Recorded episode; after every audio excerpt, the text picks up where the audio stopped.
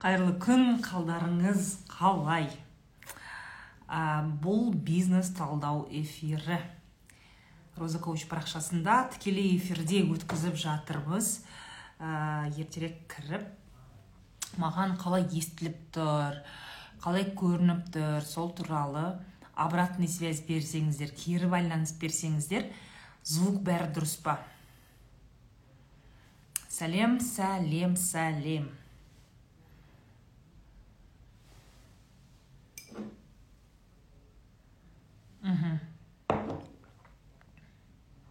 Жақсы естіліп тұр иә аха сәлем өзбекстан сәлем ә, бүгін маған ә, қырғызстаннан өзбекстаннан сұрақтар қойып жатыр ә, өкінішке орай мен сіздердің аумақта ә, бизнестің жағдайы туралы ақпаратым менде аз сондықтан да бір маркетинг немесе креатив саласынан бермесем былай конкретно бизнес шешімдерді бере алмауым мүмкін. Так бәрі естіліп тұрса. Қайырлы күн бұл роза шырбаева роза коуч парақшасының авторымын жүргізушісімін.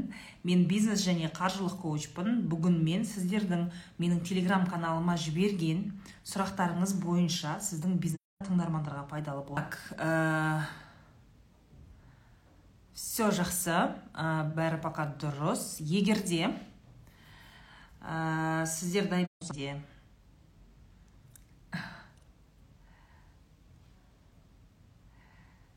дұрыс па бәрі естіліп тұр ма? Бәрі естіліп тұр ма. Менде қайта қайта эфир тоқтап қалып жатыр. Өкінішке орай қазіргі кезде білмеймін социальный сеть бәрі біртүрлі телеграм канал коучтың кабинеті. Өте дұрыс. Міне ә, яғни ә, мен бұл жерде сіздердің осы жердегі сұрақтарыңызға жауап бере алмаймын. Мен тек қана телеграм канал арқылы жіберген сұрақтарыңызға жауап беремін. Кеше біз айтқанбыз телеграм каналда ә, сұрақтар кетті. Гүлсім 32 жас қызылорда облысы арал қаласы кондитерский магазин цех 80 мың халқы бар. Дұрыс команда жинай алмаймын коллектив құру жағы слабо дейді гүлсім. Коллектив құру оңай емес. Неге өйткені особенно ә, хорикада иә яғни кондитерский ол жаңағы ресторан саласына кіретін ә, кіретін сала болғандықтан жалпы ә, мен өзім сол хорикада істеген кезде кәсіпкерлерден мынандай нәрсе естігем иә бизнес иелерінен мынандай нәрсе естігем. Ә, ресторан сферасындағы көптеген мамандар олар өте жаңағыдай біз ойлаймыз ғой тамақ істейтін адамдардың бәрі жаңағыдай сөзге оңай тамақ істегеннен кейін бір сөзге оңай келісетін сондай бір бірімен тату болатын сияқты ойлайсың. Бірақ та маған сол кезде айтқан ә, негізінде ресторан саласында жұмыс істейтін поварлар сушефтар басқа да көмекшілер ә, кондитерлерде болсын официанттар болсын барлығы олар негізінде өте ә, коммуникацияға нашар адамдар. Ә, олар сосын команда команда болып шоғырланады да. Егер де команда болып шоғырланып басшысына бөлек жаңағы басшысына қарсы шығатын болса олар мысалы үшін бір күнде жұмыстан шығып кетуі мүмкін. И сіз заказ, заказыңызды бере алмай қаласыз иә. Яғни ә, кондитерлік цехтерде ә, ресторандарда басқа да осындай тамақ жасайтын ә, сферада команда ұстап тұру бұл өте үлкен өнер. Сондықтан да гүлсім мен сізге ә, менеджмент саласын оқуды иә ә, HR және менеджмент саласын оқуды кеңес берем. Өйткені ондай адамдардың тілін тауып оларды бір командаға қосып бір бірімен қырылмайтындай қылып бір күнде жаңағыдай жиналып сізден қашып кетпейтіндей қылып ол командамен дұрыс жұмыс істей білу бұл осындай ресторан және тамақ саласын алып жүретін кәсіпкерлердің ең басты қабілеттерінің бірі болу керек. Неге? Өйткені ресторан саласында бәрін дәмді жасау ғана жеткіліксіз. Иә дәмді жасайтын адамдар өте көп. Бірақ команданың басын құру бұл өте қиын бұл өнер. Сондықтан да HR иә human resources ә, саласында ә, білім алыңыз және де менеджмент управление бизнесом и бизнес процессами осы екі салада сізге білім алу керек гүлсім. Қазақстанда бұндай компаниялар бар. Егер менеджмент керек болатын болса ә, мен сіздерге еркебұлан макенов бипро компаниясы компаниясының негізін құраған еркебұлан макеновтың сабағын алуыңызға мен сізге кеңес беремін офлайн онлайн білмеймін бірақ офлайн точно бар. Алматыда және региондарға шығып оқытады. Қазір по моему атырауда жүр оқытып. Яғни кәсіпкерлерді осындай бизнес басқару особенно ресторанный бизнесті басқаруды үйретеді. Өте мықты маман өзім мойындаймын. Сосын ол кезінде ресторан ашып өзі бір рет аузы күйіп осының бәрін үйренген жігіт. Еркебұлан макеновтың парақшасына жазылып немесе соның нелерін қарап отырсаңыздар болады. Және ә, жалпы менеджмент бойынша адам басқару бойынша қазақ тілінде иә систематизация бизнесі бойынша ә, ақпарат беретін сол экспертті мен білемін. Және өте мықты эксперт. Өзім қатты уважаю. А, орыс тілінде керек болатын болса онда жексен васильевич ә, жалкебаев жексен васильевич осы екі кісі менеджмент бойынша мықты мамандар деп есептеймін. Міндетті түрде барыңыздар. Ресторан саласы өте қиын. Өйткені ресторанда услуга сату бар ол жерде производство бар еще тауар жасайсың иә? Сондықтан да осы үш сфераны біріктірген ресторан саласы цех болсын кондитерский болсын кафе болсын кейтеринг болсын кез келген осы ол жерде осындай күрделі бірнеше процесс болғандықтан сізге білім алу керек. Просто так елдің істегенін істеп жасай берген болмайды білім алу керек міндетті түрде. Отыз үш жасым меруерт талғар қаласы бизнес арендаға шығайын деген жерім талғар. Үйде тігін тігем қазір жасауын үкімет төлеп беретін бір көмекшім бар. Үйде тігін тігу қиын болып жүр. Қалай істесем болады? Қыз жасауының жұмысы көп пайдасы аз. Арендаға шығып ателье ашсам ба немесе адамдар алып тігін цехын ашсам ба масс маркетке киім тіксем ба қайсысы дұрыс? Рекламаны қалай жасаймын? Сұрағыңыз меруерт сіздің сұрағыңыз мынандай да проблема. Сіз маған конкретно сұрақ қойып отқан жоқсыз. Сіз басыңыздағы бүкіл проблеманы үйіп төгіп менің басыма аударып беріп отырсыз да. Мен мысалы үшін сіз ә, қыз жасауын тігемін деп отырсыз. Қыз жасауының ә, пайдасы өте аз екені ол белгілі. Жұмысы өте көп. Ал ә, жаңағыдай қызын ұзататын ата ана всегда саудаласып ең төмен бағамен алғысы келеді. Оларды сапа не беспокоит. Мысалы премиальный сегментте қыз жасау бар. Премиум сегментте яғни қымбат оны байлар алады олар қымбат екенін біледі и с удовольствием төлейтіндер бар. Ол жерде премиальный ә, нелер материалдар барлығы сондай. Премиум болған кезде ол солай алынады. Естественно оның арендалары сіз ол ә, премиум сегменттегі клиенттерді табу үшін сіз алматының орталығында болуыңыз керек иә яғни ол жерде аренда одан да көп. Бұл үлкен оған үлкен вложение керек. Сіз өзіңіздің ауылыңызда ә, тегі бір ә, жаңағыдай мына жерде сіз айтып отырсыз да өзі үкімет төлеп беретін бір уже пайдасы аз деп отырсыз значит арендаға сізге шығуға болмайды.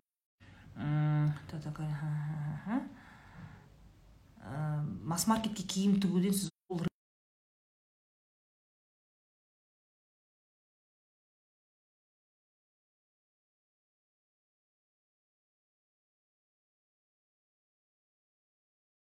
ә, без проблем өте арзан бағада бізге алып келіп жатыр. Осы мәселеде сіз бүйтіп қалуыңыз мүмкін да сіз қиналып қалуыңыз мүмкін. И так ақшадан қиналып отырсыз. Ә, сіз жаңағыдай тігіп бастаған кезде сізден де төмен бағаны беретін қырғыздардың алдында сіз жаңағыдай не қылып қаласыз шығын қаласыз. Ә, бұндай мәселеде мен сізге ә, отдельно үйіңізден бір бөлме бәрібір бәрібір қанша дегенмен білмеймін талғарда болсаңыз жер үйде шығарсыз есіктің алдында бір времянка бір, бір қабырғасын көтеріп жіберіп па бірдеңе қылып барынша аренда төлемейтін жағдайда қалу керек. Барынша. Масс маркетке шығу опасно тем более ақшам жоқ деп отырсыз қызметшіңіздің өзі мемлекеттің айлығында отыр. Сондықтан да ә, қатып жатыр иә. Көріп тұрмын қатып жатқанын бірақ білмеймін ничего не могу сделать у меня полный сеть ұстап тұр. Сондықтан да меруерт сізге айтатыным рисковать етпеңіз күйіп кетесіз босқа. Так ә, бақытжамал он тоғызда алматы қаласы онлайн форматта через инстаграм каспи реклама жасау қазір ақшаны қалай распределять еткен дұрыс ниша стаканы дейді. Ниша стаканы. Сұрақ түсініксіз. Дальше. Назерке 28 жас алматы облысы қарасайский район қырғауылды ауылы. Үйден гранола жасаймын ауылдағы магазинге өткіземін. Инстаграмнан заказ қабылдаймын. Население бес мың жеті мың примерно. Табыс көзін көбейту уақыт жетіспеушілік магазиндерге товарды ұсыну. Уақыт жетіспесе ә, мысалы да қараңыз назерке үлкен ақша үлкен егер сіз уақытыңыз ақша тапқыңыз келсе көп ақша тапқыңыз келсе онда сіз бұл жұмысқа кішкене өзіңіздің көбірек назарыңызды және уақытыңызды бөлуіңіз керек. Хотите вы этого или нет. Немесе егер уақытыңыз аз болса соответственно ақшаңыз да аз болады сол үйренген бір екі магазинге бересіз инстаграмнан түсетін екі үш заказға риза болып отырасыз. Ал егерде кәсіпті серьезно жасаймын десеңіз онда әрине көбірек уақыт бөлу керек көбірек поставщик іздеу керек инстаграмды дұрыс жүргізу керек деген мәселе. Население мысалы қырғауылдының өзі тек гранолада граноламен сіз мысалы гранола ол тез тез біткенде елдің бәрі жей бермейді қырғауылды тем более. Сіздің клиенттеріңіз қайда отыр? Алматы қаласында отыр. Орталықтарда медеуский район бостандықский районда отыр сіздің основной жаңағы клиенттеріңіз. Сосын кофейняларда олардың бәріне мейлі ғой сіз сатуын сатарсыз мүмкін. Бірақ производство жағы қалай. Иә үйден отырып келіншектер қыз келіншектер үйден отырып бірдеңе пісіріп кафелерге өткізетіндер. Вы должны понимать егер де сіз иә объем масштабқа шыққыңыз келетін болса онда біліңіз сіздің сіз оған көбірек уақыт көбірек энергия жұмсауыңыз керек. Кез келген бизнес ол да бір бала сияқты. Оған да оған да внимание керек оған да күш керек оған да уақыт керек. Иә мейлі сіз сату не проблема. Инстаграмға таргет жіберсеңіз де сатып жіберуіңіз мүмкін. Жақсы бағамен конкуренттердің бағасын сбивать етіп иә сатып жіберуіңіз мүмкін. Бірақ та сіздің күш осы мәселеде ә, осы мәселеде мен сіздерге айтарым ә, өзіңіздің шамаңызға қараңыз. Бизнесті үлкейткенде сіз сол ә, производствоны өндірісті үлкейтуге оған көп уақыт бөлуге энергия жаман подводит. Я прошу прощения интернет подводит нереально. Так.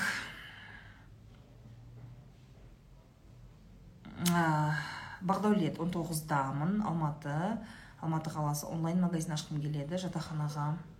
Бизнес куртка сату толығырақ қытайдан современный трендовый курткалар алып инста ашып сату дейді. Запрос. Қалай сатамын және студенттер қызықтырамын. Реклама жағынан сразу таргетке берген дұрыс па? Алғаш рет осы киім саласында жұмыс жасайтын жандарға қандай кеңес? Бадәулет куртка сезонный киім яғни сезон күзде және көктемде сата аласыз. Студенттерді таңдаға, таңдаған екенсіз онда баға қолжетімді болу керек. Яғни сіздің қытайдан алатын бағаңыз қытайдан алатын бағаңыз өте төмен болу керек. Я вам скажу сізге таргеттен бұрын тикток түсіру керек. Тикток тикток арқылы бүкіл жастар сіздің потенциальный клиентіңіз тиктокта отыр. Иә білмеймін сол куртканы киіп алып қызды сындырғаның сол куртканы киіп алып достарың о деген сияқты. Мысалы он тоғыздасың өзіңнің де достарың бар шығар тикток түсіретін таныстарың бар шығар. Бірге отырып өздерің жаңағыдай ә, креативить етіп ә, творчество қосып ә, тиктокта сату керек таргеттан бұрын. Таргет ол ә, қаншер нәрсе. Оны бір рет қостың ба? Мысалы инстаграмда фейсбук арқылы сен бір рет таргет қостың ба? Одан кейін жоқ таргет қоспаймын былай өзім сатамын деген кезде инстаграм сенің посттарыңды продвигать етпейді. Просто тупо не будет продвигать потому что сен оған ақша бермей қойдың. Ол бір андай ол сені сиыр құсап сауа береді. Таргет сені сиыр құсап сауа береді. Оған сенің бюджетің болу керек. Яғни начинающий бизнесмендерге иә енді бастап жатқан кәсіпкерлерге бірден таргетке шығуға мен кеңес бермеймін. Өйткені болды сен парақшаңды бір рет онлайн магазин парақшаңды бір рет таргетке байлап бір рет оған ақшаның дәмін көрсеттің ба фейсбукқа? Енді одан кейін ол мысалы сен қандай күшті пост жазсаң да күшті рилс шығарсаң да ол сені ары қарай продвигать етпейді. Өйткені не? Ақша бер. Ақша бермесең ол сенің парақшаңды продвигать етпейді. Сондықтан да начинающий бизнесмены жаңадан ашқан онлайн бизнес міндетті түрде тауарды сапалы түрде көрсетеміз. Мен алдыңғы эфирлерімде айтқанмын тауарды қалай көрсету керек иә? детально көрсету керек. Мына іші жылы мына киген кезде мынандай мына замогын тақсаң түймесі ашылады түймесін ашсаң замогы ашылады деген сияқты. Осындай бір фишкаларын айтып мына жерге телефон тығуға болады мына жерге бүйтуге болады мынандай деген сияқты. Ә, мысалы жаңағыдай снимайте тик ток креативте мысалы. Соны сенің курткаңды киіп келе жатасың да өзің ше киіп келе жатасың сосын қасыңда әдемі қызға бүйтіп иығына жабасың. Ол сөйтіп саған ғашық болып қалады. Болды ғой курткаң сатылып тұр ғой. Курткаң сатылып тұр ғой уже болды ғой. Иә ә, осы сияқты фишкаларды айту арқылы тиктокта сату керек. Тиктокта ә, сені тикток ары қарай продвигать ету үшін сен күніне кемінде екі видео шығарасың. Тауарыңды көрсетіп ар бетін көрсет бер бетін көрсет неге оны студенттер алу керек күніне екеу шығарасың. Бір ай екі ай тоқтамай күніне екі видео шығарасың. Текстпен жазып шығар звукпен жазып шығар ә, қазіргі трендовый музыкамен шығар. Тоқтамайсың короче. Тоқтамай күніне екі видео шығарасың. Сонда тикток сені көреді. Сені саған молодец деп сөйтеді де начнет тебя продвигать. Соны продвигать ету арқылы сенің инстаграмыңа өтеді. Ал инстаграмда сенің парақшаңда түгел тауарлар тұру керек.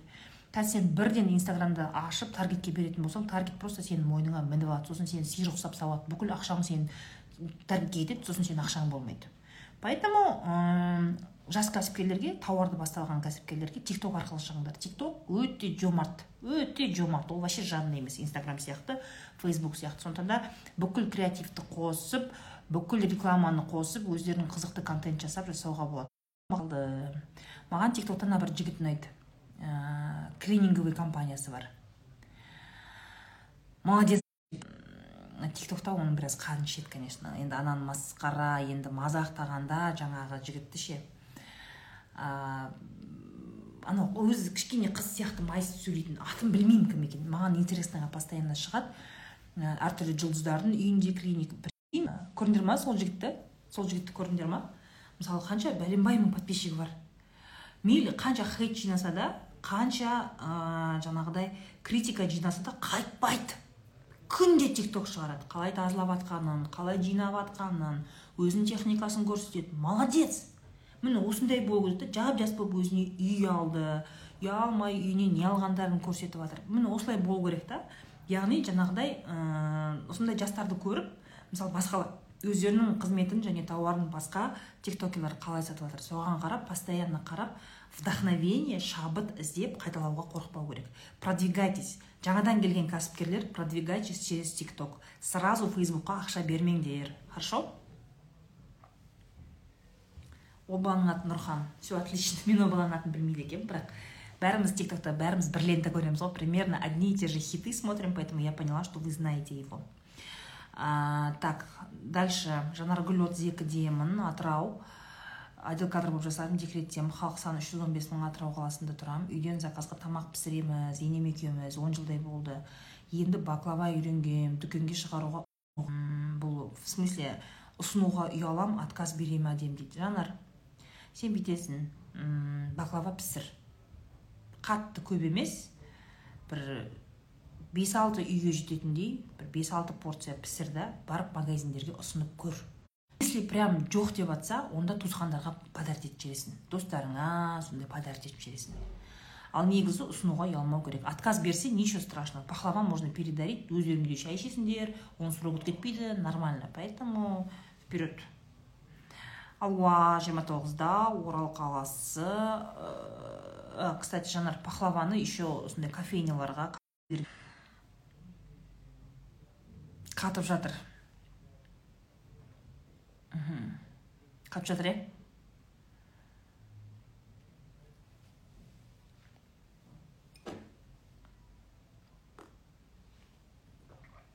Білмеймін интернет өте нашар я даже не знаю что делать. Қалай болғанда да эфирді сақтап қоямын. Сақталған эфирді қарарсыздар. Барынша енді қазір мен өзіме берілген уақытта сіздердің сұрақтарыңызға максимально жауап беруім керек. Менің қыздарым келді. Және сеть нашар. Жоқ болмасын біртүрлі болып тұр сол. Өзіңіз бұл жерде аз ұстайды ғой. Сенде актив па? Билайн. Сенде ше теле два. Тоже ұстамайды вообще. Ұстамай ма? Негізі актив тексеріп көрейін маған екінші телефон керек ау. Бағана мен актив емес пе мен билайнға өттім потому что менің үйімде только билайн ұстайды сосын маған амал жоқ активтен өтіп кеттім жалпы это не ғой бүгін менің телефоным өртеп кете жаздады ғой неделя просто перегрелся выключился. Негізі пиздец происходит да? Білмеймін то ли с сетью то ли у меня айфон новый плохой. Өйткені ненде өткенде қатты ғой тоже. Инстаграмнан таппай может в айфоне делал білмеймін что то не то. Қазір міне сеть пропадает все время. Өшіріп тастадыңыз енді эфир. Жоқ эфир жүріп жатыр так кеттік дальше. Э, дальше кеттік және айттық баклаваны айттық иә? Ақмарал 28 жаста алматыдан. Готовлю жент в шоколаде. Молодец. Национальный десерт в подарочных коробках в основном корпоративные заказы. Больше хочу работать B2B Вопрос, как увеличить продажи, как продавать компаниям, есть основная работа. Ахмарал, смотри, так как ты хочешь увеличить компании, э, количество компаний, которые работают в сфере B2B, нужно посмотреть все праздники всех организаций. Например, у финансистов другие э, свои праздники, у, у, например, прокуроров свой праздник, у э, работников энергосети другой праздник, у телекомщиков свои праздники. То есть нужно учесть все праздники. Открываешь календарь, а, по-моему, на сайте, по-моему, на ЕГОВ есть все республиканские праздники, все профессиональные праздники, и в эти даты усиляешь рекламу. Просто ставишь себе, раз уж у тебя есть основная работа, открываешь календарь и запускаешь либо таргет, либо ты в эти дни... А, нет, это же B2B же. Подожди, если это B2B, тогда тебе нужно... Да, тебе нужно с отдел кадрами разговаривать. С отдел кадрами общаться.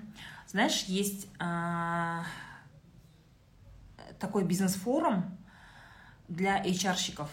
HR-капитал, э, есть на тему корпоративных на тему корпоративного управления есть разные мероприятия, особенно в Алмате.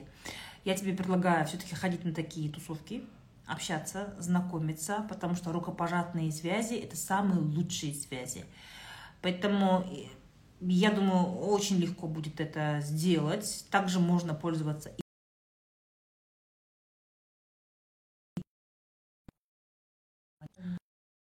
У тебя есть, э, блин, мне нужен, где рабочий телефон? У Джанель, да?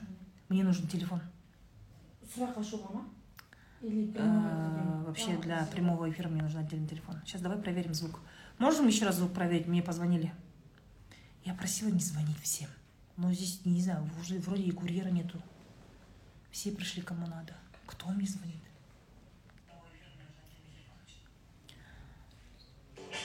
Если кто.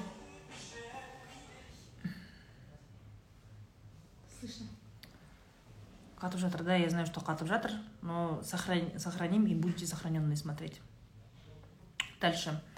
А, то есть э, для продажи э, таких национальных украшения хотел сказать. Для продажи национальных сладостей и если хотите именно увеличить клиентов в сфере B2B, надо общаться с HR-щиками, э, с ассистентами генеральных директоров, то есть общаться в таких кругах больше и запускать, пробуйте запускать таргет на такую аудиторию. Махпал 21 Алматы қаласы. Қандай бизнеспен айналысқан дұрысын мен айта алмаймын. Өйткені мен білмеймін. Әркім проблеманы өзінше көреді. Иә бизнес қай кезде ашылу керек? Кәсіп қай кезде ашылады? Сен бір өзің білетін ортада проблеманы көресің. Иә бір сұраныс бар. Көріп тұрсың да бір проблема керек екенін көресің. Какой то бір адамдардың определенный адамдардың бір бір сұранысы бар. Сен соны көресің сол сұранысты сен сезінесің. А мен ақшам бар ғой.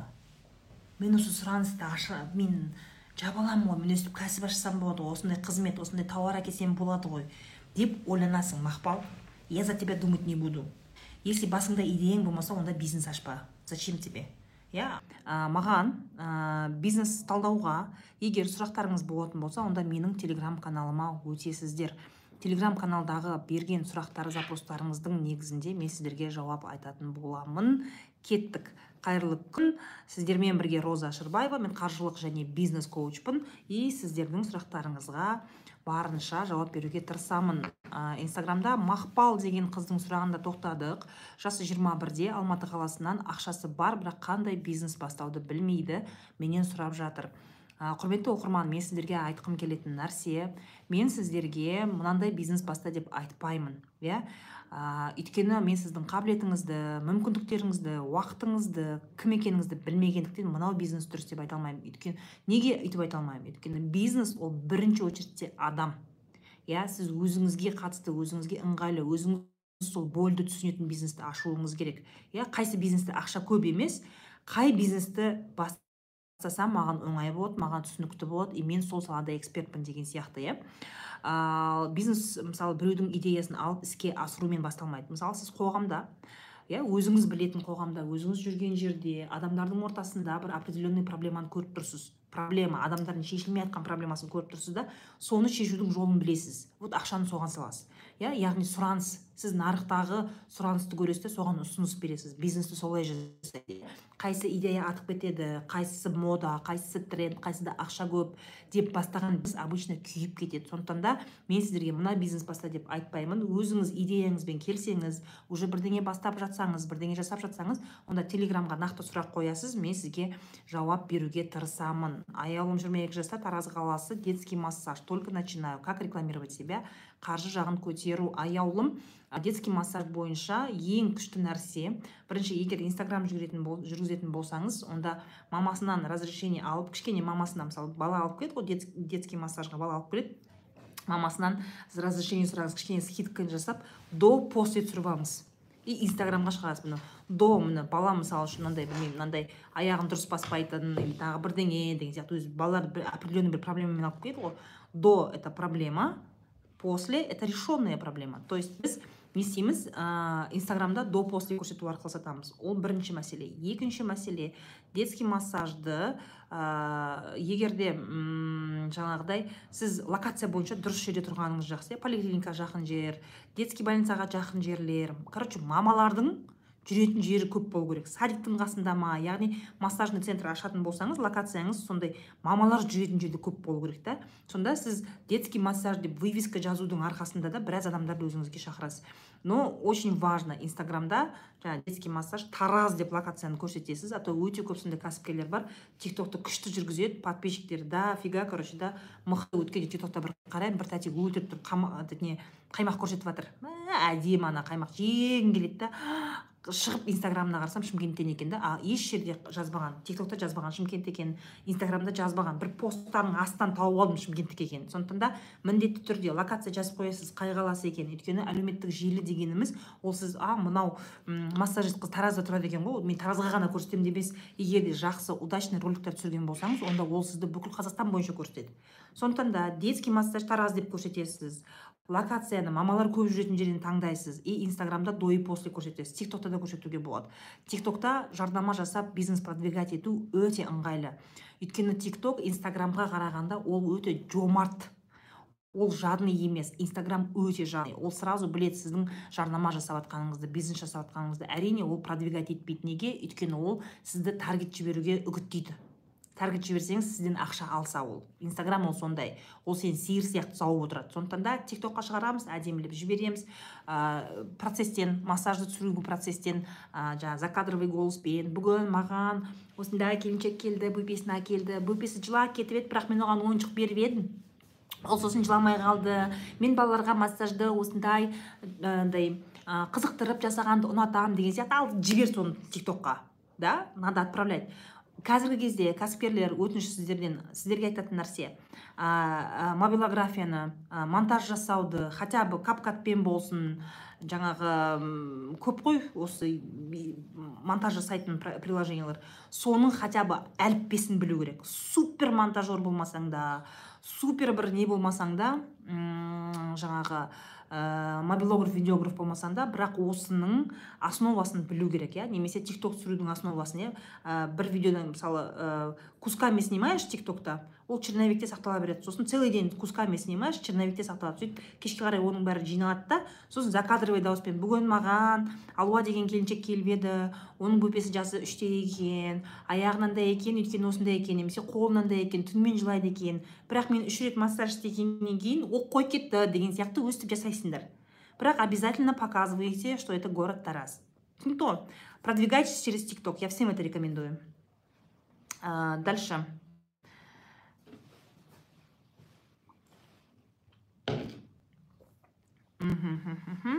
Мақпалды айттым. Таз ә, маржан 29 жаста талғар ауданы бірлік ауылы пирог выпечка пісіремін заказға.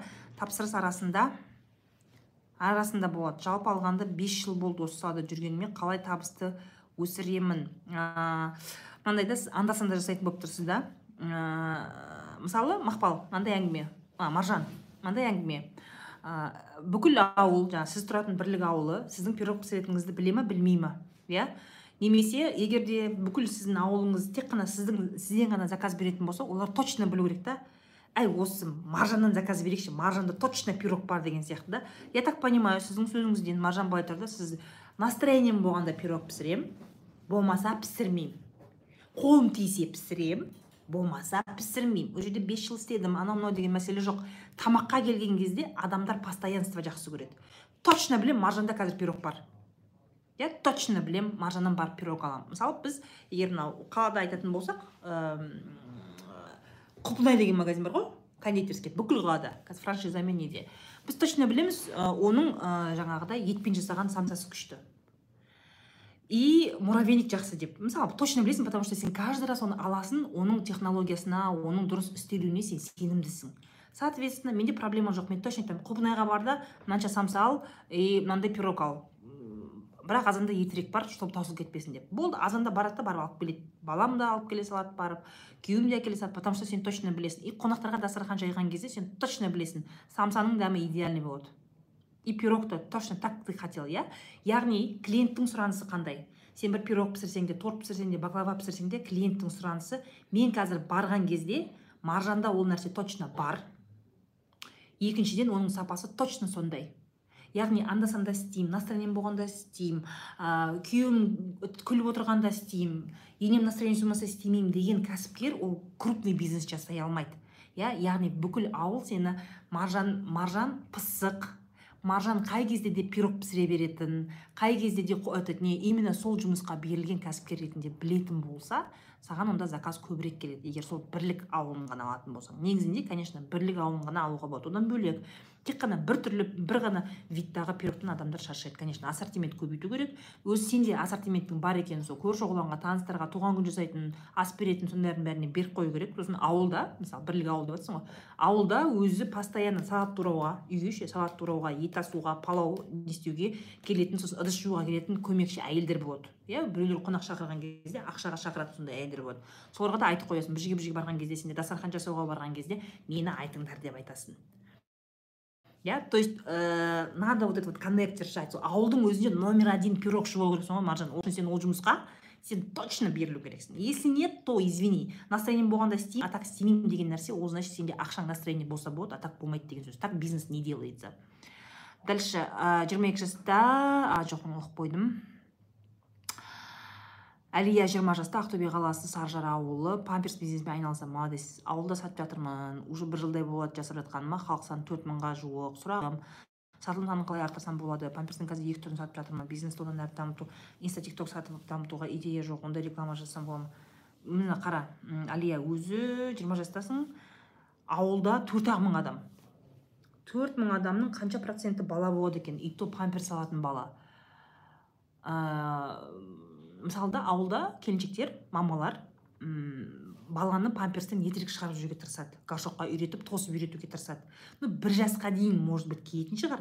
Мысалы допустим сен қазір үш жасар балаға арналған памперс әкелетін болсаң ассортимент ауылда скорее всего оны алмайды потому что ауылда ана баланың көтіне түсіп алады ше анау тосып по любому ана памперсті шешкізіп ақшаны экономдап иә бір жастан кейін ары қарай памперс алдырмауға тырысады. Сен оны түсін да кім ыыы аты кім еді? Әлия. Сен өзің жиырмада болған кезде скорее всего сенің әлі балаң жоқ а может и бар шығар білмеймін енді но должна понимать любой ене мысалы ауылда в основном келіндер енесімен тұрады. Иә ә, келіндер пособие алады. Ол пособиесін экономдағысы келеді да и памперсті аз алуға тырысады. Иә беске жеткізады. Ә, памперсті уже бір жастан кейін кигізбеуге тырысады. Түсіну керек та ол жерде объем рынка он маленький. Иә сенің нарығың төрт мың адамдық нарығың ол кішкентай. Сен қанша таргет жіберсең де тик не істесең де сен одан арыға сен не қыла алмайсың өзі. Определенный количество. Сен ауылда конкуренттерің бар болатын болса сен точно ол конкурентті танисың. Мен сатамын памперсті сосын анау көшедегі анау көшедегі мөлдір сатады сосын анау жердегі кім мира сатады. Болды өзі үш ақ поставщик болса сол үшеуің бір бірлеріңді жақсы танисыңдар бір біріңе конкурентсіңдер то есть бұл жерде айтқым келген нәрсе нарық өте кішкентай спрос та кішкентай. Сондықтан да ә, қанша сен таргет жіберсең де не істесең де ол өтпейді. Сосын бұл жерде мынандай мәселе. Мамалар любит когда ә, например сен бұл жерде тек қана сервиспен ғана аласың. Ә, егер сен конкуренциямен жаңағы өзіңнің конкуренттеріңнен клиенттер тартып алған келетін болса онда сен сервис көрсетесің. Иә звондаған кезде жүгіріп барып апарып беретін жаңағыдай сондай ше. Или айлыққа дейін қарызға бере тұратын деген сияқты. Сондай сервистер қосу керексің сен. Әйтпесе сатылымды үлкейту өте қиын болады. Нужно понимать ауылдарда ол ограниченный болады лимит времени дейді сен мынау тик тогың бір бәле шықты. И стекло дейді тик токтан шығарып жіберетін бар ма не прикинь азақ па не сонда дальше.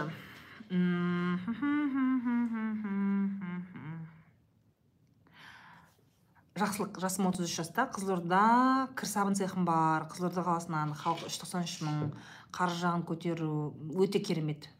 Өте керемет жақсылық. Производство біріншіден бұндай производствоны көбейту вообще жалпы производство бизнесі иә өндіріс бизнесі өте қиын.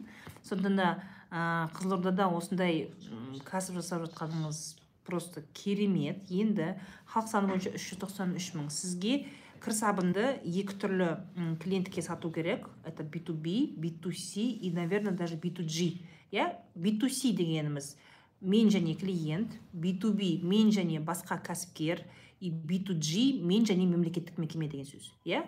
Сізде үш каналда бар. Яғни сіз клиенттерге де сата аласыз немесе оптовиктерге беріп сата аласыз немесе мемлекеттік тендерларға қатысып больницалар детский центрлар бірдеңе олар кір сабын қолданады әлі де қолданады. Осындай нәрсеге яғни сізге отдел продажа алу керек кім? Атыңыз кім еді? Жақсылық көке. Көке болғанда көкеміз отыз отыз үштегі інім екенсің ғой. Так надо көбейту керек. Отдел продажға мықты сатқыш біреу керек қой. Оны любой жерде бірдеңе десе мына кір сабынды алсаң бес жыл бұрын кетіп қалған күйеуің қайтып келеді деген сияқты. Осындай сатушы керек қой. Любой воздух сатып жіберетін. Вот осындай сатушылар надо брать такого хорошего продажника чтобы барлық жерге сататындай. Өйткені мемлекеттік бір жағынан мемлекет мысалы өзімізде өндіріліп жатқан кірсабын оны тендерға қатысу арқылы тендерға қатысу арқылы оны сату да оңай болады. Поэтому пробуйте. Жаңағыдай отдел продажға адам керек так мына жерде адамдар сұрақ қойып жатыр сұраққа бұл жерде жауап бермеймін сұрақта сұраққа телеграмда жауап беремін телеграм яғни телеграм каналыма келген сұрақтарға жауап айтам. Мына жерден ә, оқып айта, айта алмаймын. Өкінішке орай ә, бұл жерде өйткені ақпарат толық емес. Так баян 21 шымкент қаласы онлайн магазин. Одежды енді ашылды. Вайлберриспен жұмыс жасасам халық саны миллион арендаға шықсам қалай болады екен деп жүрмін. Баян мәселе шымкент үлкен. Киімге байланысты. Киімге қандай киім ұсынып жатсың қаншалықты сол шымкенттің адамдарына халқына сенің киімің өтімді? Баға, баға жағынан ба? Мына жерде ақпарат өте аз. Сен масс маркетте сатып жатсың ба сен средний маркетте сатып жатсың ба қандай киім екенін айтылмағандықтан ә, толық жауап айта алмаймын. Бірақ киім сатуда ең бірінші мәселе ол сапасын көрсету әлеуметтік желі арқылы киіп көрсету адамның үстінде қалай отырады. Ә, ерінбей тик токта көрсетіңіздер мен талай айтам тик токта мықты магазиндер өте жақсы продвигация етеді иә. Өзін жаңағы көрсету арқылы өзінің тауарларын көрсету арқылы тауар осындай мынандай осындай деген сияқты айтып отыру арқылы точность мынау мынандай матадан тігілген тігісі мынандай деген сияқты осындай нәрсені айту арқылы сатасың. Тауарды көрсету керек. Егер сен тауар сатушы ә, кәсіпкер болатын болсаң тауарды көрсету керексің. Иә бізде тауарды көрсетпейді ғой. Отырады білмеймін осы инстамагазинде қарайсың ғой. Жазып қойған магазин одежды деп жазып қояды да. Бірақ последний посттары бір апта бұрынғы или өте аз бір білмеймін бір он шақты бір жиырма мақұл даже елу шақты пост болуы мүмкін. Не полный фотографии не полный яғни конкретно наличияда не бар екенін білмейсің. Поэтому ерінбейсің. Любой товарный бизнеста наличияда не бар екенін түсіресің. Сториске түсіресің тик токқа түсіресің сөйтіп оны сохранить етесің. Иә тик группировать етуге мүмкіндік жоқ. Бірақ инстаграмда сториске түсірген кезде күнде сен инстаграмға суткасіне жүз сторис шығара аласың. Жүз сторис. Бұл дегеніміз сен өзіңдегі жүз тауарды көрсете аласың. Әр сторисің бір минуттан. Ә, ешкім көрмейді деп ойламау керек. Именно наличияда не бар екенін көргісі келетін мамалар бар. Отырады олар әйелдер бар. Отырады. Мына жерде осындай мынандай тігісі мынандайда сосын ол мынандай жеңі ұзында оны қайырып қойсаң осындай болады да деген. Бәрін айту керек. Матасы мынандай мынаусы мынандай. Көрсет пожалуйста күніне жүз товар көрсетші кім алмайды екен. Магазинде товар жетпей қалады. Поэтому қолданыңдар тегін площадканы қолдану керек. И тиктокта да тиктокта да солай қолдануға болады. Маған өте ұнайды. Я вот этот магазин забыла. Алдында айтып күлетін едім. Который трусы продают.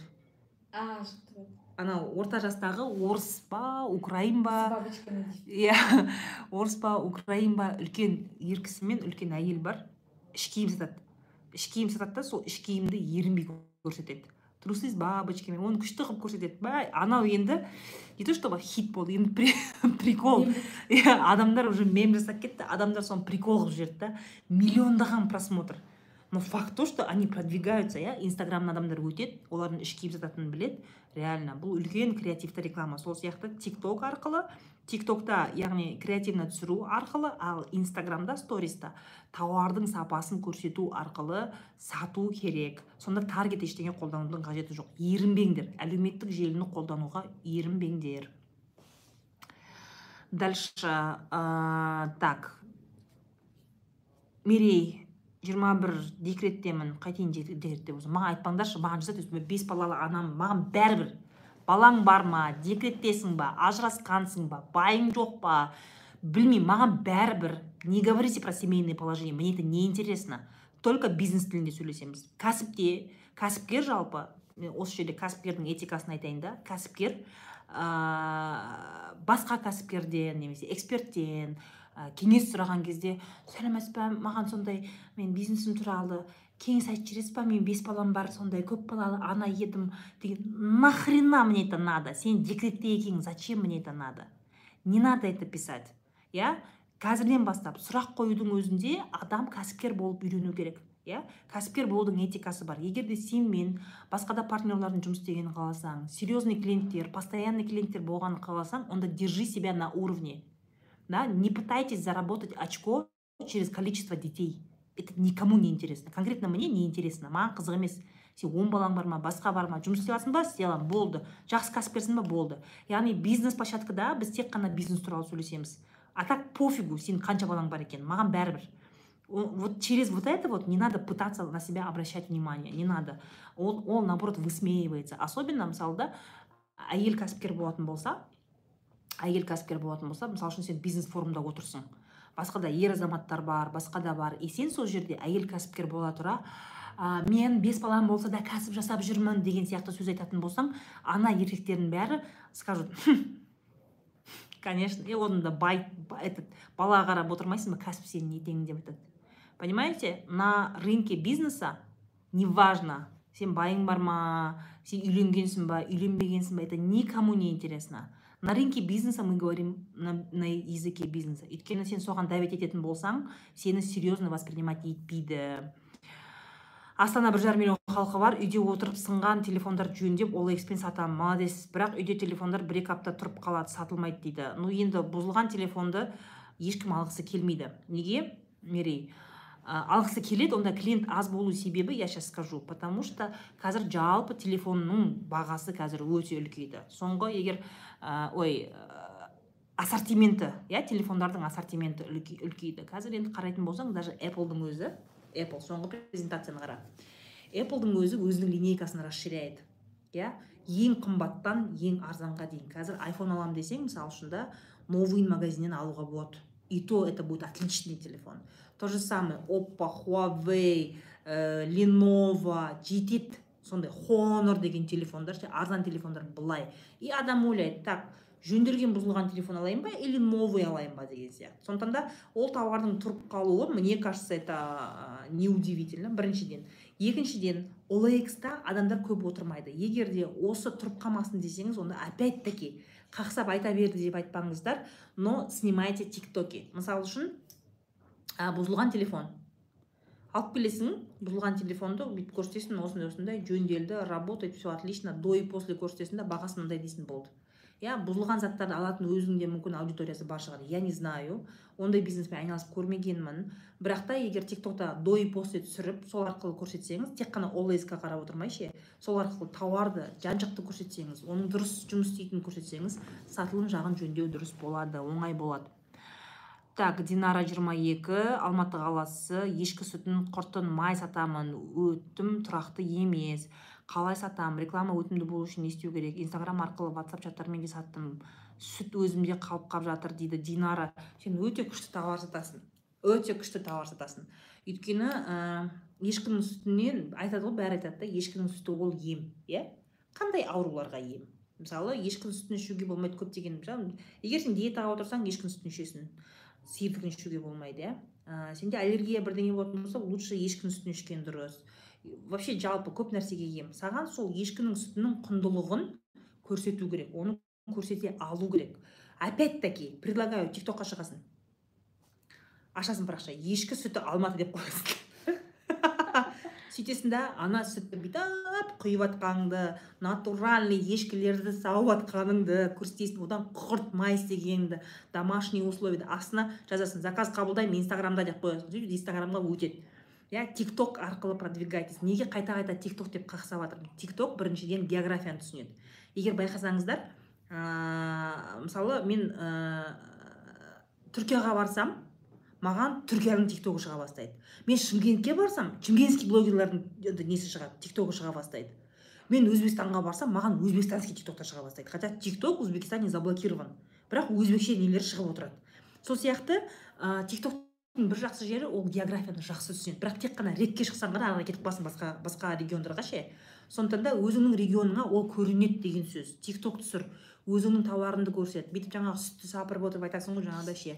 Мынандай свежий сүтті ішсеңіз асқазандағы гастриттеріңіз язваларыңыз емделеді деген сияқты. Сөйтіп айтып отырып ерінбеңіздер. Иә өзіңіздің даусыңызбен даусыңызбен комментировать етіп тауарды көрсету керек. Дауыспен комментировать етілген тиктоктар көбірек қаралады. Өйткені адамның живой дауысы керек. Просто суретін қойып қойып өтірік видеосын қойып қойсаң ол қаралмайды иә. Артына музыка қойып қойсаң қаралмайды. Сондықтан да надо голосом комментировать. Ешкінің сүті мынандай мындай ауруларға ем свежий күнде келсеңіз ала алып кетесіз деген сияқты. Ол бірінші мәселе тикток арқылы. Екінші мәселе реально ешкінің сүтін ғана ішуге болатын кейбір клиенттер болады иә? Соны ем ретінде қабылдайтын. Солармен абонемент сияқты мысалы үшін он күнге заказ алып қоясың да күнде свежий сүтті тек сол үйге апарасың. Сондай доставканы организовать ету керек. Иә мысалы ешкінің сүтімен емделетін адамдар бар. Или тек қана мысалы екі күн сайын ешкінің сүтінен каша жейді. Мысалы баласы не знаю ә, там ә, глютен жеуге болмайды басқа баласы определенный диетада отыру керек мамашкілер постоянно саған барып сүт алғысы келмейді потому что жүру керек саған дейін бару керек иә. Сондай мамашкілерді тауып аласың. Оларға мынандай заказ қойып қоясың. Мысалы үш күн сайын свежий сүт деген сияқты екі күн сайын. Сөйтіп апарып беріп тұрасың таксимен жібер әйтеуір бірдеңе қылып яғни сервисті организовать ету керек осы жағын ойластырасың. Так дальше ешкінің сүтін айттық қой иә жаңа иә алтынай жиырма бес жастамын алматы өзбекстанға тур инста тик ток смм жұмыс істеуде запрос қалай продажа жасау ұтымды уақыттар және маркетингтар алтынай өзбекстанға тур қатты қымбат емес болып есептелінеді. Сондықтан да тик ток арқылы ә, тик ток арқылы жастарға қарай целевой аудитория жасау керек. Жаңағыдай подружкалар қыдырып барыңдар бірдеңе жастар не нәрсеге қызығады? Иә әдемі тамақ вкусный еда тамағын көрсет ол да шетел екенін түсіндір. Яғни ә, көп жастар бәрібір саяхаттауды армандайды иә. Сондай кезде айту керек та ә, саяхатты ең жақын мемлекеттерден баста мысалы үшін өзбекстан деген сияқты да осындай құндылықтарды ашып жалпы ә, тик токтың өтімді қылуын неше түрлі трендтермен өтімді қылуын не істеу керек та? Түсіру керек допустим вот этот вот есть же история любви. История любви. Сен бүйтіп бір артта андай вешалкаға өзбекше шапанды іліп қоясың да? Или бір жігітті өзбекше бір жігітті өзіңнің жігітіңді мысалы үшін да өзбекше шапанмен тақа кигізесің артқа қойып қоясың да? Сөйтесің да сен жаңағы камераны бүйтіп қойып ана музыка қайда? Музыка ше анау? История любвидағы артқа қарай камераны қойып артқа қарай жүресің да өзбекше шапан киген жігітке дыңқ еткізіп соғысасың да сонымен өзбекстанның кадрларын көрсетесің. Міне кішкене осындай трендпен түсірсеңдер жас емессіңдер ма ей жастар? Кішкене трендпен түсіріңдер кішкене бір қызықты қылып түсірсеңдерші. Иә ол тек қана мен түсіріп жатырмын да вот түсірдім неғып клиент аз. Кішкене креатив болу керек креатив. Ә, дальше. Әлия жиырма екі жаста қапшағай қырық төрт мың адам киімдерге қазақи стильде вышивкамен айналысқым келеді. Аренда төлемейміз үйден ашамыз. Қалай адамдармен тартуға болады? Реклама блогерлерге берген дұрыс па? Сен блогерларға берсең қазір ақшаң кетеді. Ақшаң кетеді. Өйткені и блогерлерден ол дұрыс ответка келмеуі мүмкін. Яғни вышивка сенде иә? Вышивканы сен басқа дизайнерларға көмектесу арқылы сатасың. Басқа да дизайнерлер бар иә? Көп өте көп қазақстандық дизайнерлер бар. Соларға өзінің логотипін вышивка түрінде қазақи ою кез келген нәрсені. Мысалы сенде ясное дело что когда ты вышиваешь это компьютерная графика екені белгілі. Иә компьютерная графика. Сен сол суретті саласың сол суретті компьютер тігіп береді. Иә бұл дегеніміз сен кез келген логотип кез келген сурет не только ою ою деп қатып қалмаңдаршы өтініш сендерден. Оюды жақтырмайтындар да бар. Саған главный қазір услуганы сату керек. Иә? Яғни компьютерный вышивканы тігіп беру услугасын сату керек. Ол үшін сен әртүрлі брендтермен дос боласың да сөйтесің да заказ оптом аласың. Блогерға шықтың не шықпадың не это не выстрелит. Не все хотят вышивку в виде ояу сендер кішкене ойлансаңдаршы ою да ою сендер кішкене ойлансаңдар бізде қазақстанда тек қана қазақтар немесе тек қана ұлттық киім киетін қазақтар ғана емес. Кигісі келмейтіндер де бар. Бірақ вышивка өте керек нәрсе. Бүйтіп бір бір нәрсемен бүйтіп қатып қалмай жоқ тек қана осы деген сияқты ондай нәрсеге қатып қалмау керек. Саған ең басты нәрсе. Соншама аренда алғаннан кейін цехқа оборудование алғаннан кейін сауда жүргізу керек. Клиент керек саған. Иә? Басқа киім тігетін кәсіпкерлермен коллаборация боласың барып сөйлесесің солармен коллаборация болып солардың вышивка керек жерлеріне сөйтіп бүйтіп бересің. Одан кейін мысалы сен айтасың да ә, одан кейін мысалы сен блогерларға беретін болсаң блогерларда клиентурасы это просто клиенты. Олар киім тігетін адамдар емес. Басқа дизайнерлер басқа тігін цехтарымен солармен коллаборация жасау арқылы заказ көбейтесің. Все олар ою дей ма оюдың суретін істеп бересің. Атын жазып бер дей ма атын жазып бересің. Ә, не знаю бір корпоративный заказ дей ма соны жазып бересің. Ырбыңдап только ою істеймін қазақи анау мынау деген тәлпіштік керек емес. Там где есть деньги надо делать то что продает твои услуги. Ырбыңдап отыруға болмайды дальше. Что случилось? Все нормально. Камеру переключила. а, Чтобы комменты писать сама. ана жаққа отырып алсай Иә. қарсы бетке а, так.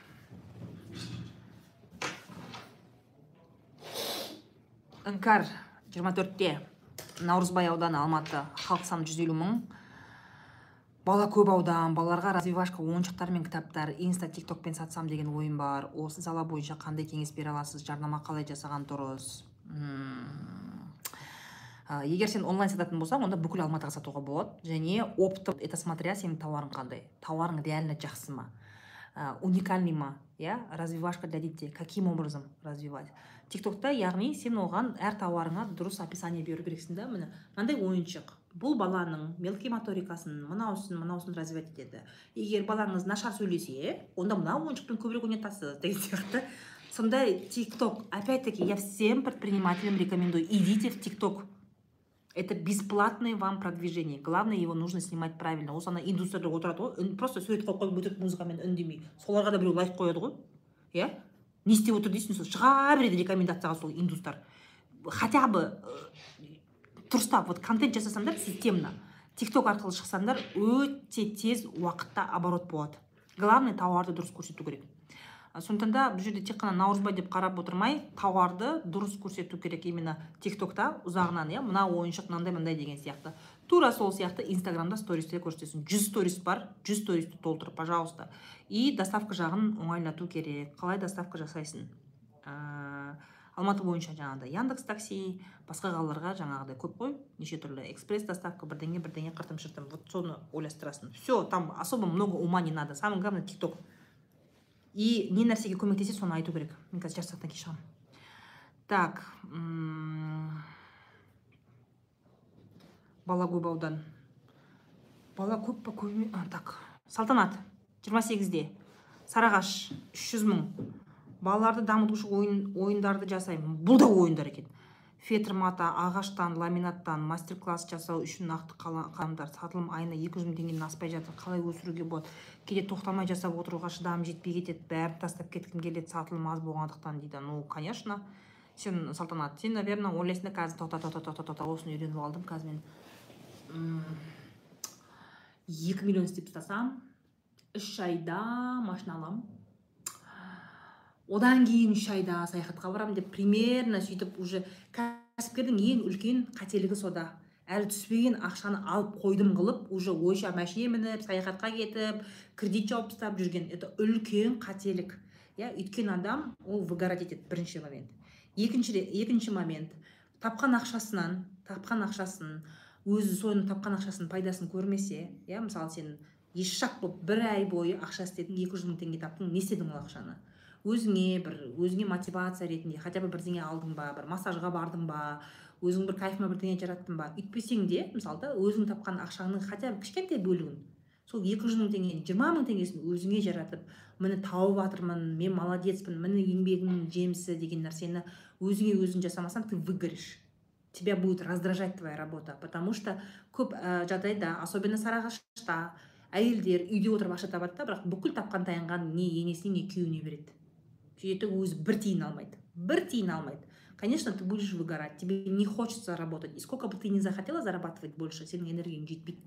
Осы үлкен проблема. Кәсіпкер ақшаңды таптың ба ақшаңды өзің басқару керексің өзің басқара алмайсың ба онда сен кәсіпте выгорать етесің скорее всего ты, ты так себе кәсіпкер боласың сондықтан да кез келген кәсіпкер кәсіпкер болдың ба ақшаңды өзің басқар яғни өзің шешу керексің. Мына ақшаны мен былай жасаймын мына ақшаны бүйтемін мына ақша өзіме деген сияқты. Ал көбіне бізде ондай емес. Әйел кәсіпкерлер үйде келін болатын болса барлығы сол ақшаны мойындарына сол ақшаның мойнына мініп отырады бәрі. Вот этот момент очень важно. Кәсіпте бұл өте маңызды. Кәсіпкер өз ақшасын өзі басқару керек. Ә, егер басқаны басқа адамдарға басқа әйелдерге үйрету арқылы мастер класс иә үйрету арқылы ақша табуды үйреткіңіз келсе сол туралы айтуыңыз керек. Айтуыңыз керек да қыздар мен сендерге осындай үйде отырып осындай жасайтын бизнес түрін үйретемін. Бұны сатуға болады үйтуге болады бүйтуге болады деп не істеуге болады? Ә, жаңағыдай мастер классты сатуға болады иә? Сөйтіп те ақша табуға болады. Сондықтан да бұл жерде мәселе иә қолыңыздан көп нәрсе келетін шығар бірақ жаңағыдай ақша басқару мәселесін. Сіздің ақшаңызды кім басқарып жатыр? Өзіңіз ба или басқа біреу ма осы нәрсе болмаса онда вы выгорите скорее всего. Дальше. Ә, атым роза 25-те маңғыстау облысы бір ауылынан дейді. Маңғыстаудың әйтеуір бір ауылынан болып тұр ғой. Халық саны мың бір жүз тоқсан төрт адам. Мә масқара е интернет бар екен қайта иә так азайып жатыр. Ауыл тұрғындарымен жетпіс бес процент магазиннен тамақты жаздырып алады. Ертең аптекаға ашқанда банкрот болып қаламын ба деп қорқып отырмын. Қаржы жағынан қалай көтере аламын? Қара өзі мың адамдық мың бір жүз мың екі жүз адамдық ауылда аптека ашқан қаншалықты саған выгодно. Потому что ол жерде мәселе ә, айлыққа жаздырып алуда емес.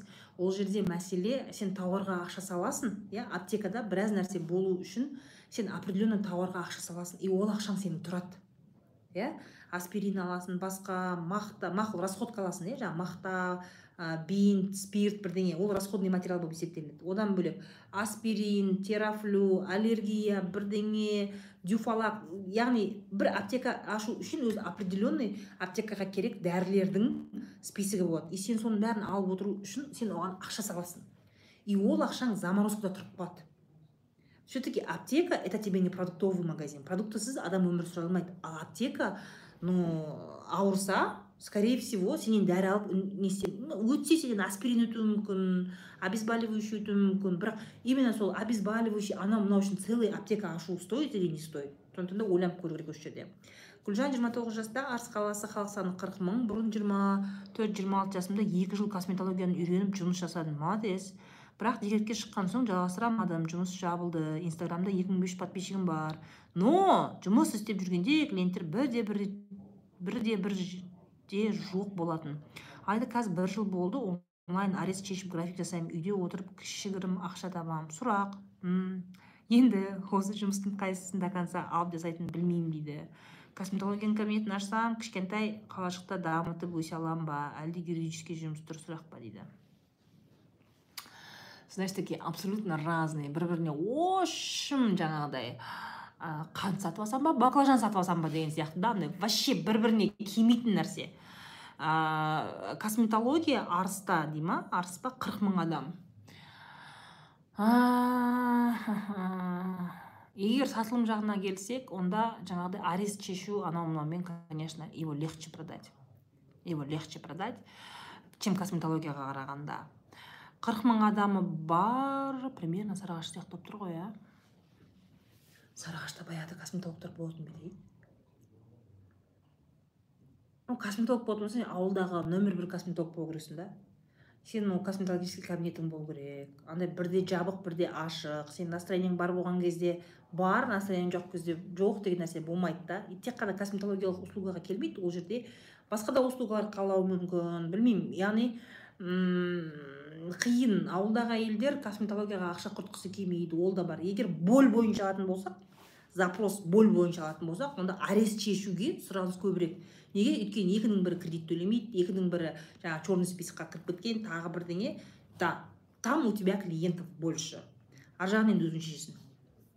Маржан 28 жаста алматы қаласы аль хадая сетевой компания офлайн онлайн жасауға болады любой. Он миллион теңге. Личный блог арқылы қалай продажа жасаса? Алматыда. Аль хадая аль хадая это тмин ба? Да тмин. Это только через ана не боль арқылы ғой сен мына жерің ауыра ма тмин. Мына жерің ауыра ма тмин. Мынау ауыра ма тмин. Бірақ действительно врачтардан консультация алу керек. Любой адамға тмин бола ма? Кейбір адамдарға тмин жақпайды. Мысалы үшін маған жақпайды хотя мне врач прописывал. Маған жақпайды. Мен жүрегім айнып давлением көтеріліп ит болып кетемін. Маған жақпайды. Сол сияқты сен де елдің бәріне мына любой емге осы деген нәрсе дұрыс емес. Особенно осындай бадылар неше түрлі бар ғой анау. Осындай тмин тағы кім анау? Ламинария. Деген сияқты осындай сетпен сататын дәрілерді ә, сенің клиентің қара сенің клиентің өте қараң адамдар болу керек. Потому что бас істейтін адамдар без конца оны ала бермейді. Өте қараң адамдар болу керек. Нужно понимать это. И у тебя маркетинг он будет такой дикий маркетинг будет. Мына жерің ауыра ма? Осы. Байың қайтып келмей жатыр ма? Осы. Балаң көңіл күйі жоқ па? Осы деген сияқты любой нәрсеге тминді пихать ете беретін маркетинг болу керек та. Потому что думающие люди иә миы бар адамдар оңды солды тминді іше бермейді. Оңды солды іше бермейді. Это нужно понимать и он не всем бәріне жақпайды ол. Хотя мне тоже я же говорю прописывали маған жаққан жоқ. Қалай? Порошок күйінде іштім май күйінде іштім түйірлеп те іштім. Болмайды. Просто мой организм не терпит тмин сол сияқты біреудің несіне қалып қалуға болмайды обалына қалып қалуға болмайды ойлану керек. Дұрыс ә, не жасау керек продажа жасау керек. Но я не знаю. Просто рассказываешь опять таки осындай проблемаң болса мынау деген сияқты. Конкуренция көп қой бірақ өте көп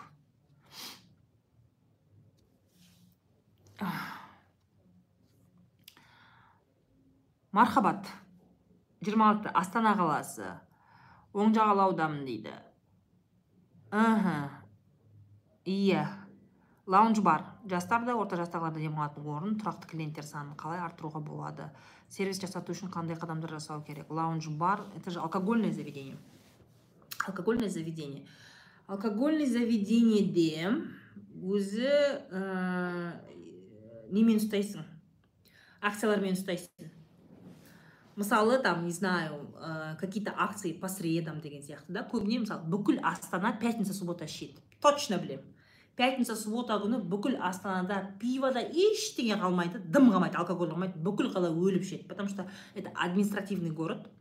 Елдің бәрі офиста елдің бәрі стрессте сөйтеді да олар пятницаны өлгенше күтеді и пятница күні ол күні пятница суббота сенде сауда бар по любому сөйтесің да сен поставщиктерден воскресенье понедельник күндері уже понедельник күні сен оптовиктерден уже жаңағы таусылып қалған пиваңды енді аласың? Напитоктарыңды аласың понедельник күні. И сенде примерно вторник среда четверг күндері застой.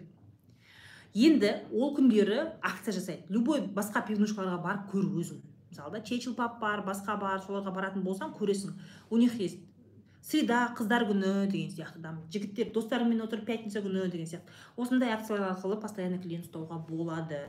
И ол прям рубрика сияқты ол тұру керек та мысалы осы күн деді ма болды до конца ұста соны клиенттерің уже біледі саған точно среда күні келу керек екенін поэтому осындай маркетинг ұстану керек деп ойлаймын. Пока сол пока алкогольный нелермен ну ресторандармен мен консультация жасап көргенмін. В основном білетінім сол. Алкогольға келеді көбіне. Лаунж бар деген сөз это бар где ты отдыхаешь.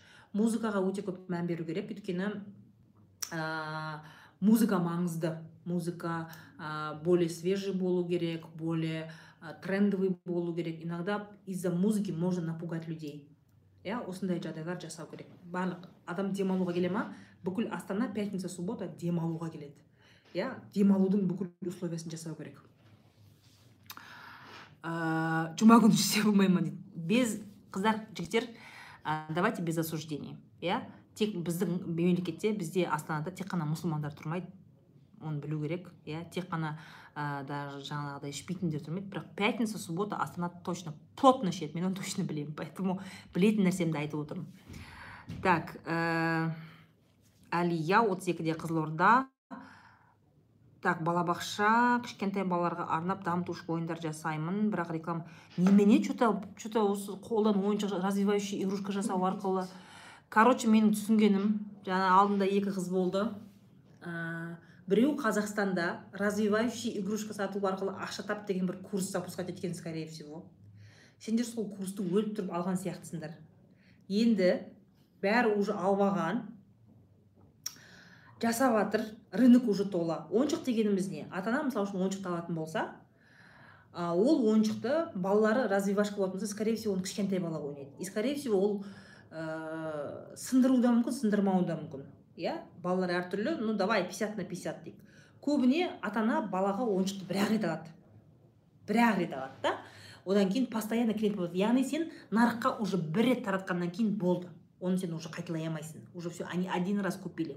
Особенно ойыншық деген мәселеде интерес пропадает быстро. Даже өздерің үйлеріңде балаларыңа мысалы ойыншық әпересің ғой бір күн ойнайды екі күн ойнайды үшінші күн қарамайды. Сөйтетін сен өзі мамаларға андай совет бар да. Бүкіл үйдегі ойыншықты екіге бөлесің да. Жартысын алып қапқа салып тығып тастайсың кладовкаға. Олар мына мынаусымен әбден ойнап шаршап надоел болған кезде соны алып қапқа саласың да ана жақтағын шығарасың. Сол кезде вау! деп олар новыйдан көрген сияқты. Енді көрген сияқты соны ойнайды. Сөйтіп кезек кезек беріп тұрасың ойыншықтарды. Иә көп мамалар сөйтіп істейді сондықтан да много игрушек не покупают. Уже міне үшінші сұрақ менде. Развивающий игрушка жасаймын қалай сатамын? Яғни сендер барлықтарың бір жерден сатып алғансыңдар. Білмеймін кім сатқанын. Кезінде бар ғой тапликті үйрет таплинг үйреніп ақша тап деген сияқты. Сайт жасап ақша тап деген сияқты. Яғни бәрі қанша дегенімен қазақстан нарығы ол ә, кішкентайда сол курсты сатқан адам уже болды нарықты уже алып қойды. Енді бұл бір осы арқылы сен өмір бақи ақша табасың деген нәрсе емес. Бұл да бір тренд ол да бір өтіп кетеді. Сондықтан да барынша енді кім бар білмеймін садикке барған кезде өзінің балаларын апарып тастаған кезде айтып түсіндіріп тик ток арқылы шығып көріңдер. Ну я так думаю уже міне кеше мысалы бір бір осы ә, сұрақ қойыңдар деп айтқаныма жарты күн болды ма болмады ма? Соның өзінде міне енді бастадым уже бір сағаттың ішінде мен үш сондай сұрақ келді. Бұл дегеніміз нарық уже полный деген сөз. Все рынок переполнен.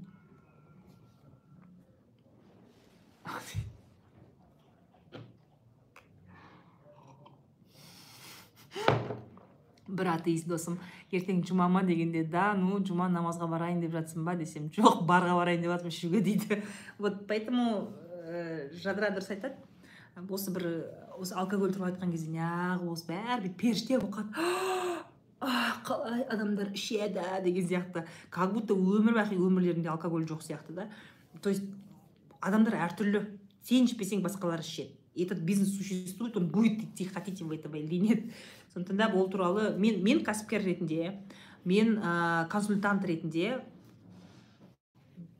айта беремін иә маған бастысы міне кәсіпкер маған консультация сұрап жатыр ма бизнесті қалай маркетинг қалай жасау керек? екенін көрсете болды я специалист своего дела. Иә? А так адамдар өзі таңдайды өзі біледі. Иә мен халал халал кафелерге де қандай консультация берсем ә, алкогольный нелерге де спокойно консультация беремін. Такого нету. Мен даже намаз оқитындардың алкогольный бар намаз оқитындардың ә, кәдімгі алкогольный ресторандар ұстайтынын білемін. Как бы я много таких знаю. Много таких знаю кәдімгідей алкогольный бизнеске ақша салады. Бизнес а, дальше.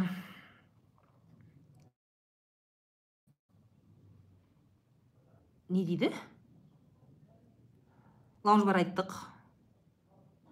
Ойыншықты айттық. Гаухар жиырма үштемін қызылорда арал уходовый және декоративный косметика сатамын молодец торговый домда отыз квадратный метр бутигім бар. Мықты бизнесмен болып тұрсың ғой сен. Қазір косметика сататындар өте көп. Және косметиканы ррц деген не сақтамай ррц сақтамай почти оптом бағадан заказ алдырып беретіндер көбейген дейді. Соны білетін клиенттеріме қалай бағамды түсірмей сатуға болады? А да қазір онлайн сатып онлайнда отырғандар так как олар аренда төлемегендіктен бағаны өте, өте төмен баға бере алады. Ал сен оффлайнсың. Саған ә, бүйтіп жаңағыдай бетіне сипалап көрсетіп тест көрсетіп сөйтіп сататындардың клиентін көбейту керек иә? Онлайн рынокта ты проиграешь потому что сенің бағаңа аренданың бағасы отырады торговый центрде. Аппарат для диагностики кожи лица алғым келіп жүр беттің үш қабатына дейін диагностика жасап пигментация тері қаншалықты құрғақ майлы. Это хорошая идея аппарат для диагностики кожи. Көбейтуге болады иә? Жақсы консультант болса көбейтуге болады. Яғни бір миллион теңге қазір саласың и сен естественно әрі бері жүрген сол торговый домда тұрсың ғой торговый домда әрі бері жүрген клиенттердің трафигіне акцент қою керексің. Иә? Ә, бесплатная диагностика кожи терін отырғызып тегін не істеп мынаны алсаңыз болады мынаны алсаңыз болады деп сөйтіп предлагать ету арқылы сатуры түріктер сияқты ғой. Өтіп жатқан здравствуйте девушка девушка деп кіргізіп аласың девушка здравствуйте здравствуйте деп. Посмотрите одна минута посмотрите да. Сөйтіп кіргізіп аласың. Көрсетесің айтасың сіздің кожаңыз осындай екен мынандай екен мынаны алуыңыз керек мынаны алуыңыз керек деген сияқты. Яғни көп клиенттерге рас мысалы ә, мен өзімнің өзіме қандай косметика керек екенін мен точно білемін да. И мен салыстырып отырып мысалы не золотое яблокодан не сакстен ала саламын. Иә білемін маған не керек екенін. А көп клиенттер білмейді. Сондықтан да диагностика аппараты диагностика аппараты көмектеседі деп ойлаймын. Дальше ақтоғын жиырма бірден шымкент қаласы. Тұрғын саны миллион бір жүз тоқсан екі мың. Жиырма үшінші жылғы санақ бойынша молодец. Так массаж жасаймын тек қана детский массаж женский массаж. Официально шымкентке танымал массажистің мекемесінің жанында жалдамалы жұмыс жасап жатқаныма бір ай болды. Бірақ массаж курс оқып қызығып сертификатты алғанмын. Жұмыс барысы ұнайды. Курсты қосқанда опыт төрт ай. Университетте туризм мамандығын оқығанмын төртінші курспын туризм сферасында жұмыс жасағанмын. Мүлде мамандығым ұнамайды.